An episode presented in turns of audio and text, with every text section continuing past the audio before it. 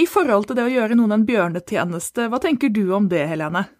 Oi, her eh, kjenner jeg at irritasjonen bare vokser seg stor og fæl og tykk, og jeg vet nesten ikke hva jeg skal si.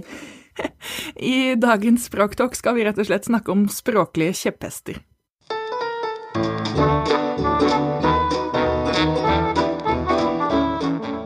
Jeg er ganske sikker på at alle som eh, lytter på nå, fort kan tenke seg ut noe ting de irriterer seg over. For det er jo slik at i språket så har vi lett for å henge oss opp i noen ting, og det kaller vi kjepphester. Eh, det å ri en kjepphest er jo det å være veldig opptatt av en sak, og det fins en hel stall med disse kjepphestene som vi regelryttere kan uh, ta tak i. Og sikkert fordi at jeg er eh, litt vel interessert, så prøvde jeg å finne ut hva dette her heter på forskjellige språk. Det heter Steckenpferd og hobbyhorse, og så klarte jeg å finne ut hva det heter på gresk. Eh, kjepphest, altså. Og det fant jeg da ut for å kunne si hva vi kan kalle læren om disse kjepphestene som vi kanskje finner ut i dag. Og det vil da være et ord som, uten at jeg kan gresk, vil kanskje ligne på noe à la xylinoalogakipaidologi. læren om kjepphester. Wow. Ja. Tenk hvis noen av lytterne har som kjepphest at man ikke skal bruke fremmedord eh, der det ikke er nødvendig. Da vil jo de bli kjempeirriterte nå. Vil bli kjempeirriterte. Men der er du jo inne på noe, fordi at eh, man vil jo hvis man, hvis man, har en kjepphest, eller to, da, eller tre, så blir man jo Da blir man jo lett irritert, for språk brukes jo overalt. ja, og hvis vi går tilbake til ditt eksempel, da, så hadde du jo en fin liten bukett av eh, kjepphester som ligger ganske høyt oppe på irritasjonstoppen, tror jeg, eh, i det norske folk. Du hadde bjørnetjeneste, du hadde i forhold til, og du hadde tenke i betydningen mene, tro. Du, irriterer du deg, Kristin, over noen av disse ordene her? Altså bjørnetjeneste brukt i den moderne og nye betydningen, som da betyr eh, en stor tjeneste, i stedet for da den eh, tradisjonelle betydningen, som da er en tjeneste som ikke er den andre til gavn. Eh, er det sånn at du Du er vel ikke så ung at du bruker bjørnetjeneste synonymt med en stor tjeneste? Nei, jeg bruker bjørnetjeneste i, som altså når en bjørn skal prøve å deg, klappe deg pent på hodet og gi deg et slag istedenfor. Altså noe som var ment positivt, men som ikke var det. Men akkurat eh, i forhold til og forholdisme, det er jo en sak som har vært kjempet i flere år, og den, eh, den er jeg jo helt enig i. Jeg tar den og irriterer meg, men jeg har litt inntrykk av at det ikke er så gærent som det var før, at kampen på et vis har eh, i hvert fall slagfeltet har beveget seg i riktig retning. Ja, det er mulig. Dette er, var jo en av de store kampsakene i Per Egil Hegges daglige språkspalte i Aftenposten. Det var jo mange ting han forsøkte å få orden på i det norske språk, og i forhold til, feil bruk i forhold til. Altså det at det ikke brukes som en sånn generelt uttrykk eh, i type i forhold til lunsj, hva tenker du om det? Men at i forhold til da skal forbeholdes når man skal sammenligne et ledd med et annet. Altså du, Kristin, du er høy i forhold til meg. Ja, man kan jo få ganske rare sammensetninger i forhold til. Jeg så en gang det er viktig at vi prioriterer penger riktig i forhold til barn. eh, og da mente de vel sannsynligvis at vi liksom måtte gi penger til barnas sak, eller, eller, om det var innvandrere, i hvert fall. Men eh, da høres det jo faktisk ut som vi skal prioritere penger over barn. Ja. Eh, Obama er skonselsløs i forhold til terrorister, husker jeg det var en eh, eksempelsetning. Ja. Eh, jeg lagde en gang en lov som jeg kalte Hegges lov. Og mitt poeng med den var at nettopp med utgangspunkt da, i Hegges spalte i Aftenposten, hvor han løftet en normativ pekefinger hver eneste dag.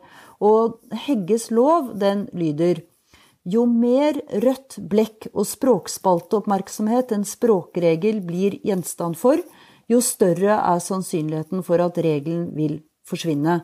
Altså Poenget er at jo mer intenst man må jobbe for å få noen til å følge en grammatisk regel, jo mer sannsynlig er det at den distinksjonen som denne regelen uttrykker, da rett og slett blir borte. Ikke sant? Altså det er en slags sånn altså det, det, han egentlig sier, at det ikke bare er det sisyfysarbeid, men også så detter steinen enda lenger ned bakken hver gang man prøver å rulle den litt lenger. Nei, det, og det er ikke han som sier det. Dette er altså Det var jeg som formulerte Hegges lov. Men hvis det er slik at det er et fenomen som går igjen i landets språkspalter, Mm. Om de er på, på, Facebook eller om de er i aviser, så betyr jo det at det er en regel som er i forandring. Dette betyr at det er noe som Det er mange mennesker som bruker feil. Bruker på en annen måte enn det grammatikkbøkene, de normative grammatikkbøkene sier oss. Ja. Og det, det, betyr at det er i bevegelse, og jeg tror det er ganske sannsynlig at dette er noe, en distinksjon som holder på å forsvinne. For eksempel vi ser på pronomenrekken. Der er det jo mange som klager og syns det er ille med utglidningen eh, mellom de og dem, ikke sant? han og ham. Og da betyr jo dette at det er distinksjoner som kanskje holder på å forsvinne i språket. Men det, nå kommer vi jo inn på noe veldig viktig, og det er at her er det, må vi skille mellom talespråk og skriftspråk. For det er viktig å holde tungen rett i munnen når vi skal ut og ri kjepphestene våre. Fordi vi har eh, normerte skriftspråk. Det er regler for hvordan vi skal skrive bokmål, det er regler for hvordan vi skal skrive nynorsk. Men talemålene våre er jo ikke normerte. Og i dialektene så er det da andre måter å eh, bruke språket på. Det andre grammatiske regler som ikke er like som de normative reglene som vi finner i grammatikkbøkene. Så her må vi skille. Det er mye som er lov i gåseøynene å si i talemålet, som det ikke er lov til å skrive i, i bokmål og nynorsk. Altså i de normerte skriftspråkene. Så at det du sier, er egentlig at man burde legge fra seg alle muntlige kjepphester i det hele tatt? Det kommer jo an på hva slags eh, virke man har. Altså hvis man eh, arbeider eh, som journalist i NRK, så syns jeg jo ikke man skal det. Eller hvis man lager språkpodkaster sånn som du og jeg gjør, så er det jo viktig at vi snakker på en måte så folk ikke misforstår det vi sier, f.eks. Vi bør jo tenke oss om før vi bruker eh, ord og uttrykk som kan føre til, eh, til misforståelser. Vi kan jo godt irritere bitte lite grann, det er jo mulig. Vi har jo kalt podkasten vår for Språktalk, f.eks. Det var jo ikke helt uproblematisk, og vi hadde vel begge litt kvaler, hadde vi ikke det? Men ja. Eh, da får vi opp uh, diskusjonen, og vi får opp temperaturen, og vi kan uh, høre hva lytterne syns om dette. Da. Noen blir jo irriterte at vi blander uh, norsk og engelsk på den måten. Ja, Hvis vi blir store nok som podkast, så kanskje noen har det som kjepphest en dag. At det er utrolig irriterende podkasten som har en million lyttere, at de heter Språktalk. Det, det går an å håpe på.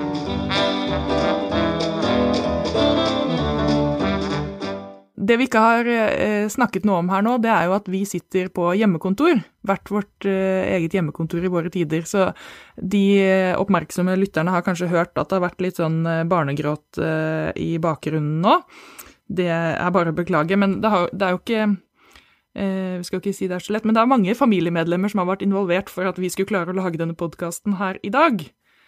Ja, mine barn er jo så store at de har jo Det ene som er hjemme her, har hjulpet meg med å koble meg opp. Og ja, hun, hun har foreløpig ikke skreket noe i bakgrunnen her. Hun har ikke det. Nei, mine små derimot, som ikke fikk eh, De må ikke bruke noe internett eh, nå, sånn at vi kan bruke all internetten. Der tror jeg det var litt eh, vanskeligere. Men i disse nye tider så har det også kommet noen nye kjepphester til, da, nå med koronakrise. Skal vi snakke litt om noen av dem, Helene? Jeg ser jo at folk diskuterer ivrig om korona skal staves med C eller K, og Aftenposten har jo falt ned på den fornorskete stavemåten med K, mens andre store aviser tviholder på C-stavemåten. Eh, Så der kan man jo sale en kjepphest og snakke om norvagisering av eh, innlånte ord. Altså den store debatten om eh, hvordan vi skal stave ja, champagne, da, for å bruke et uh, standard uh, eh, eksempel, om vi staver det med CH eller SJ. Så det, det er jo én kjepphest. Noen liker å holde fast ved den stavemåten man har i opprinnelsesspråket, mens andre veldig gjerne vil norvagisere, altså stave på norsk maner tidlig.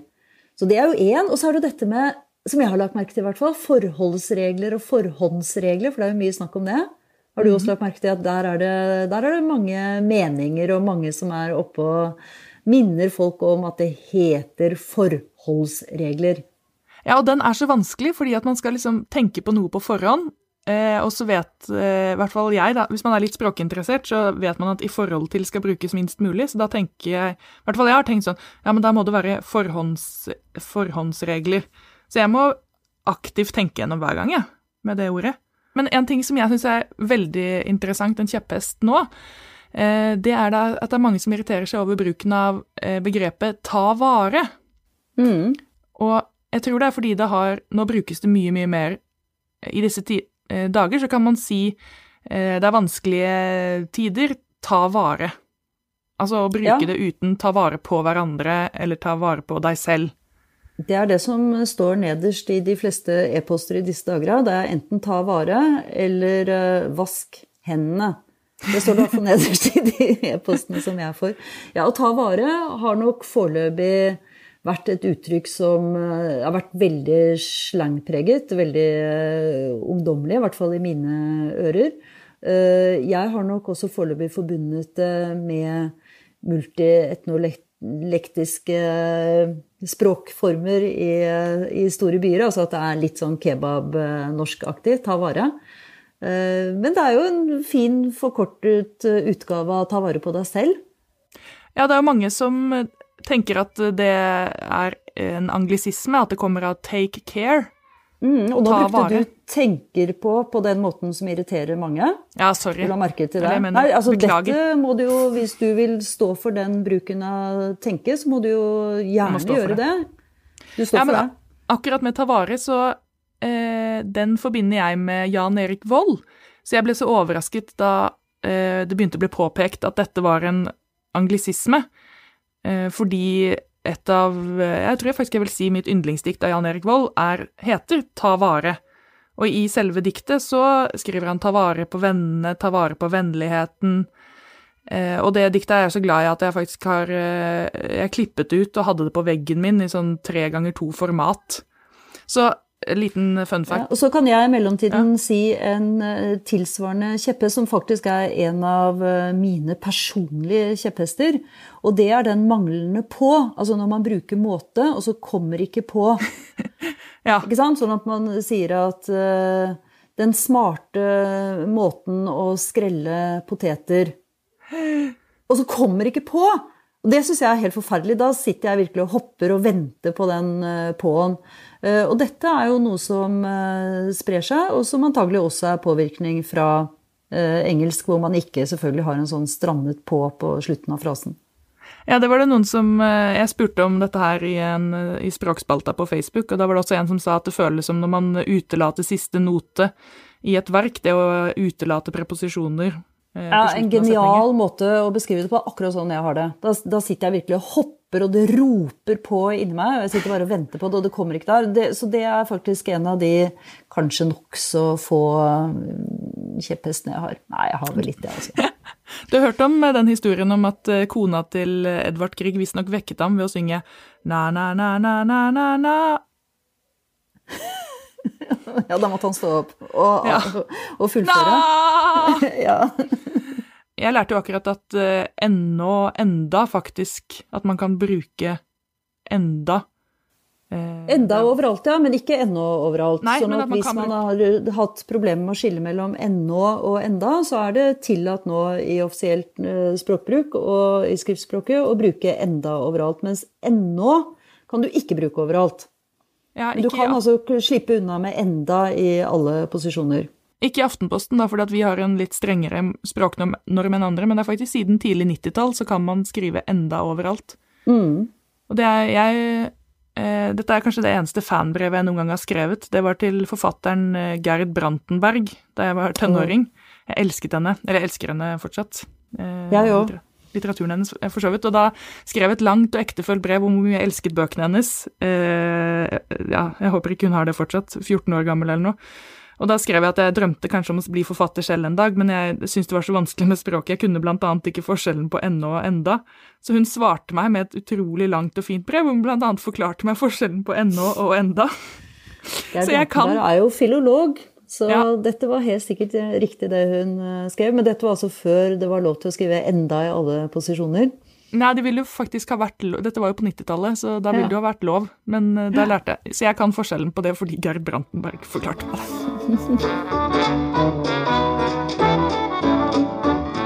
Jeg har kanskje ikke så mange kjepphester, uh, tenker jeg. Det er sånn litt sånn som korrekturles... Eller siden jeg driver mye med språkvask og korrekturlesing, så blir det jo på en måte mange kjepphester, fordi jeg retter det opp i språk. Men en jeg henger meg mye opp i, eh, det er forskjellen på å, at noe hang, og at det hengte, eller at jeg, jeg hengte opp noe, men skjorten hang. Og det tror jeg at jeg reagerer så sterkt på fordi jeg lærte det så nylig selv. Eh, det er vel bare noen år siden at jeg lærte forskjellen på hvordan man bøyer slike verb. Og her er jeg helt sikker på at Hegges lov kommer til anvendelse at dette er en språkregel som antagelig kommer til å forsvinne. For her tuller folk som bare det. Også i skriftspråket forskjellen mellom transitive og intransitive verb. Brente og brant og hengte og hang og slengte og slang. Så, men uh, stå på, så får vi se om vi klarer å bevare forskjellen så, så, lenge det er mulig. Hvis jeg skulle velge ut én uh, kjepphest, så tror jeg kanskje vil velge ut det at man automatisk bruker engelsk uttale for uh, andre altså ord vi har lånt fra andre språk. altså Sånn at man går inn på et bakeri, og så vil man gjerne ha en Sarah Bernard i stedet for en Sarah Bernard, som den deilige, deilige kaken eh, egentlig heter. Eh, og at man drikker eh, chardonnay og ikke chardonnay, som er den tradisjonelle franskpåvirkede uttalen av den vinen som vi har hatt på norsk. Eh, continental i stedet for continental om hotellet. Eh, ja, Bristol i stedet for eh, Bristol, som dette Oslo-hotellet alltid har hett. Det tror jeg er noe av det som eh, Det irriterer meg litt at vi tyr til engelsk ved første og beste anledning. Chat noir i stedet for chat noir. Hæ? Ja, det er rart. Men hvorfor tror du vi får akkurat de kjepphestene vi får, Helene? Det er kanskje ikke så lett å svare på, men jeg tror det er noe som du har vært inne på flere ganger, nemlig det at vi har en sånn forestilling om at språket har vært i en eh, ideell tilstand, og at vi alle har den forestillingen. Og at den gullalderen, den varierer jo fra person til person. Men eh, det er jo det vi en gang lærte, da. Gjerne på skolen eller kanskje i ung voksen alder. Og da føler vi sterkt at det er det eneste, og at avvik fra dette enten er håpløst gammeldags eller eh, forfall og moderne og fy og en utvikling som vi ikke liker. Jeg er veldig glad i eh, GPS, som ja. Eh, er en litt sånn tullediagnose som står for grammatisk pedanterisyndrom. Det er jo nemlig nettopp det at man overreagerer på, på feil. da på det man selv mener er feil. Lider du av GPS, Kristin? Eh, ja, det er jo et eller annet som lyser opp i hjernen hver gang jeg ser noe som er feil i, i henhold Nei, i, i, mitt system. Det må jeg ikke bruke i forhold til feil. Eh, og det var en veldig interessant eh, artikkel i A-magasinet i fjor som handlet om dette her. Vi kan dele lenken til den en gang til. Som handlet om når man irriterer seg over språkfeil, så har de faktisk da målt ved å sette elektroder på hodene at det er elektrisk aktivitet i hjernen. Dette holder da nevrolingvistene på, og at eh, når vi har lært et språk tidlig, så reagerer vi veldig sterkt på feil eh, i det systemet som vi har lært. Så det er en mm. veldig interessant sak. Mm. Men forskjellen er kanskje litt hva man gjør med, med den reaksjonen, da. Om man Én eh, ting er å reagere på den, at det lyser opp et lite glimt i hjernen, og at man tar den og begynner å skrike eh, eller skrive med store bokstaver eller sende irriterte og sinte e-poster til en språkspalte, f.eks.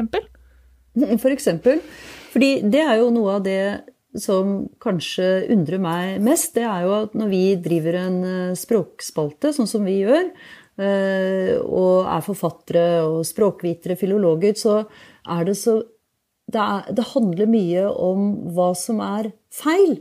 Og vi skriver jo begge skjønnlitteratur, og det er veldig sjelden jeg har fått spørsmål om sånn Hva er den verste boken du har lest? Hva er det styggeste du Men når det er eh, som språkviter, så er så få, det er jo altså som språkspaltist, da, så får du jo ofte da sinte mailer med feil som blir eh, påpekt. Så det er veldig mye språkirritasjon. Og det er nok mer språkirritasjon som sildrer inn til språkspalten i Aftenposten enn språklede.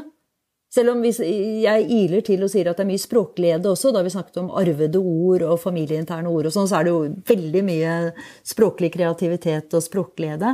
Men det er mye irritasjon der ute også. Altså, og vi må ikke glemme å glede oss over språket.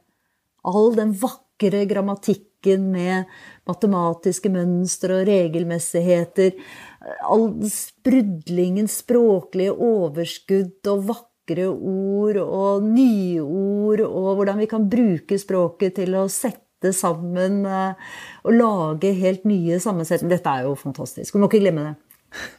Nei, og det er kanskje noe med å hva var det? Det var en uh, venn av meg som sa at uh, hver gang hun så en sånn type feil, så prøvde hun å si uh, Oi, tenk at jeg kan den! Det var gøy at jeg tenker på det, og at det kan den andre ikke. Heller måtte prøve å glede seg over sin egen Eh, språkkunnskap og, og, språklede enn å irritere seg veldig mye over alle andre.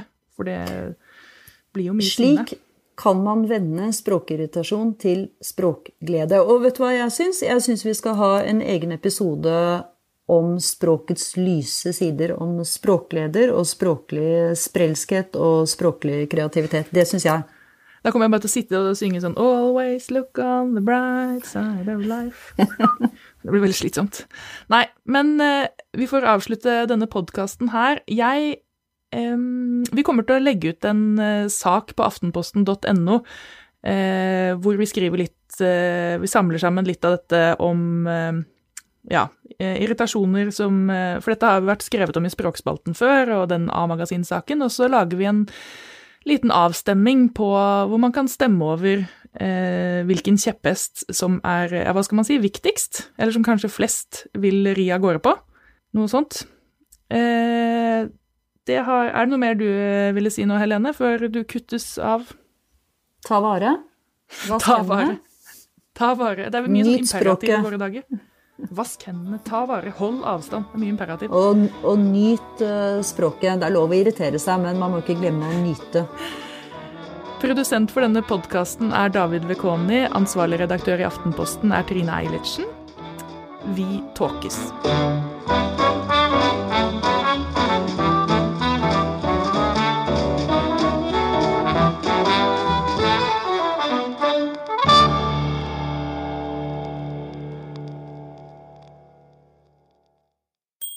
Har du litt for ofte en følelse av at du ikke rekker å få med deg mer enn overskriftene på de store nyhetssakene? Norge blir satt på en stor prøve. Og flyktninger og migranter strømmet Jeg heter Andreas Bakkefoss og er programleder i Aftenpostens nyhetspodkast Forklart. Vi gir deg innsikten du trenger for å forstå nyhetene litt bedre, på bare ett kvarter. Forklart slipper nye episoder hver morgen i ukedagene. Say hello to a new era of mental health care. Cerebral is here to help you achieve your mental wellness goals with professional therapy and medication management support. 100% online. You'll experience the all new Cerebral Way, an innovative approach to mental wellness designed around you. You'll get a personalized treatment plan from a therapist, prescriber, or both in a safe and judgment free space. Your cerebral therapist or prescriber will outline a customized plan with clear milestones along the way so you can get to feeling your best. With Cerebral, you're not alone in your mental health journey. We're here to empower you to live a fulfilling life. So take that first step towards a brighter future and sign up today at cerebral.com slash podcast and use code ACAST to get 15% off your first month. Offer only valid on monthly plans. Other exclusions may apply. Offer ends July 31st, 2024. See site for details. The number one selling product of its kind with over 20 years of research and innovation. Botox Cosmetic, out of botulinum toxin A, is a prescription medicine used to temporarily make moderate to severe frown lines, crow's feet, and forehead lines look better in adults. Effects of Botox Cosmetic may spread hours to weeks after injection, causing serious symptoms. Alert your doctor right away as difficulty swallowing, speaking, breathing, eye problems, or muscle weakness may be a sign of a life threatening condition. Patients with these conditions before injection are at highest risk. Don't receive Botox Cosmetic if you have a skin infection. Side effects may include allergic reactions, injection site pain, headache, eyebrow and eyelid drooping, and eyelid swelling. Allergic reactions can include rash, welts, asthma symptoms, and dizziness. Tell your doctor about medical history, muscle or nerve conditions including ALS or Lou Gehrig's disease, myasthenia gravis, or Lambert Eaton syndrome and medications, including botulinum toxins, as these may increase the risk of serious side effects. For full safety information, visit BotoxCosmetic.com or call 877 351 0300. See for yourself at BotoxCosmetic.com.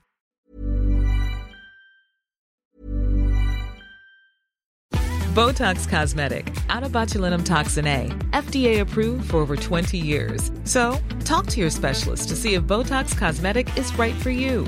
For full prescribing information, including boxed warning, visit BotoxCosmetic.com or call 877-351-0300. Remember to ask for Botox Cosmetic by name. To see for yourself and learn more, visit BotoxCosmetic.com. That's BotoxCosmetic.com.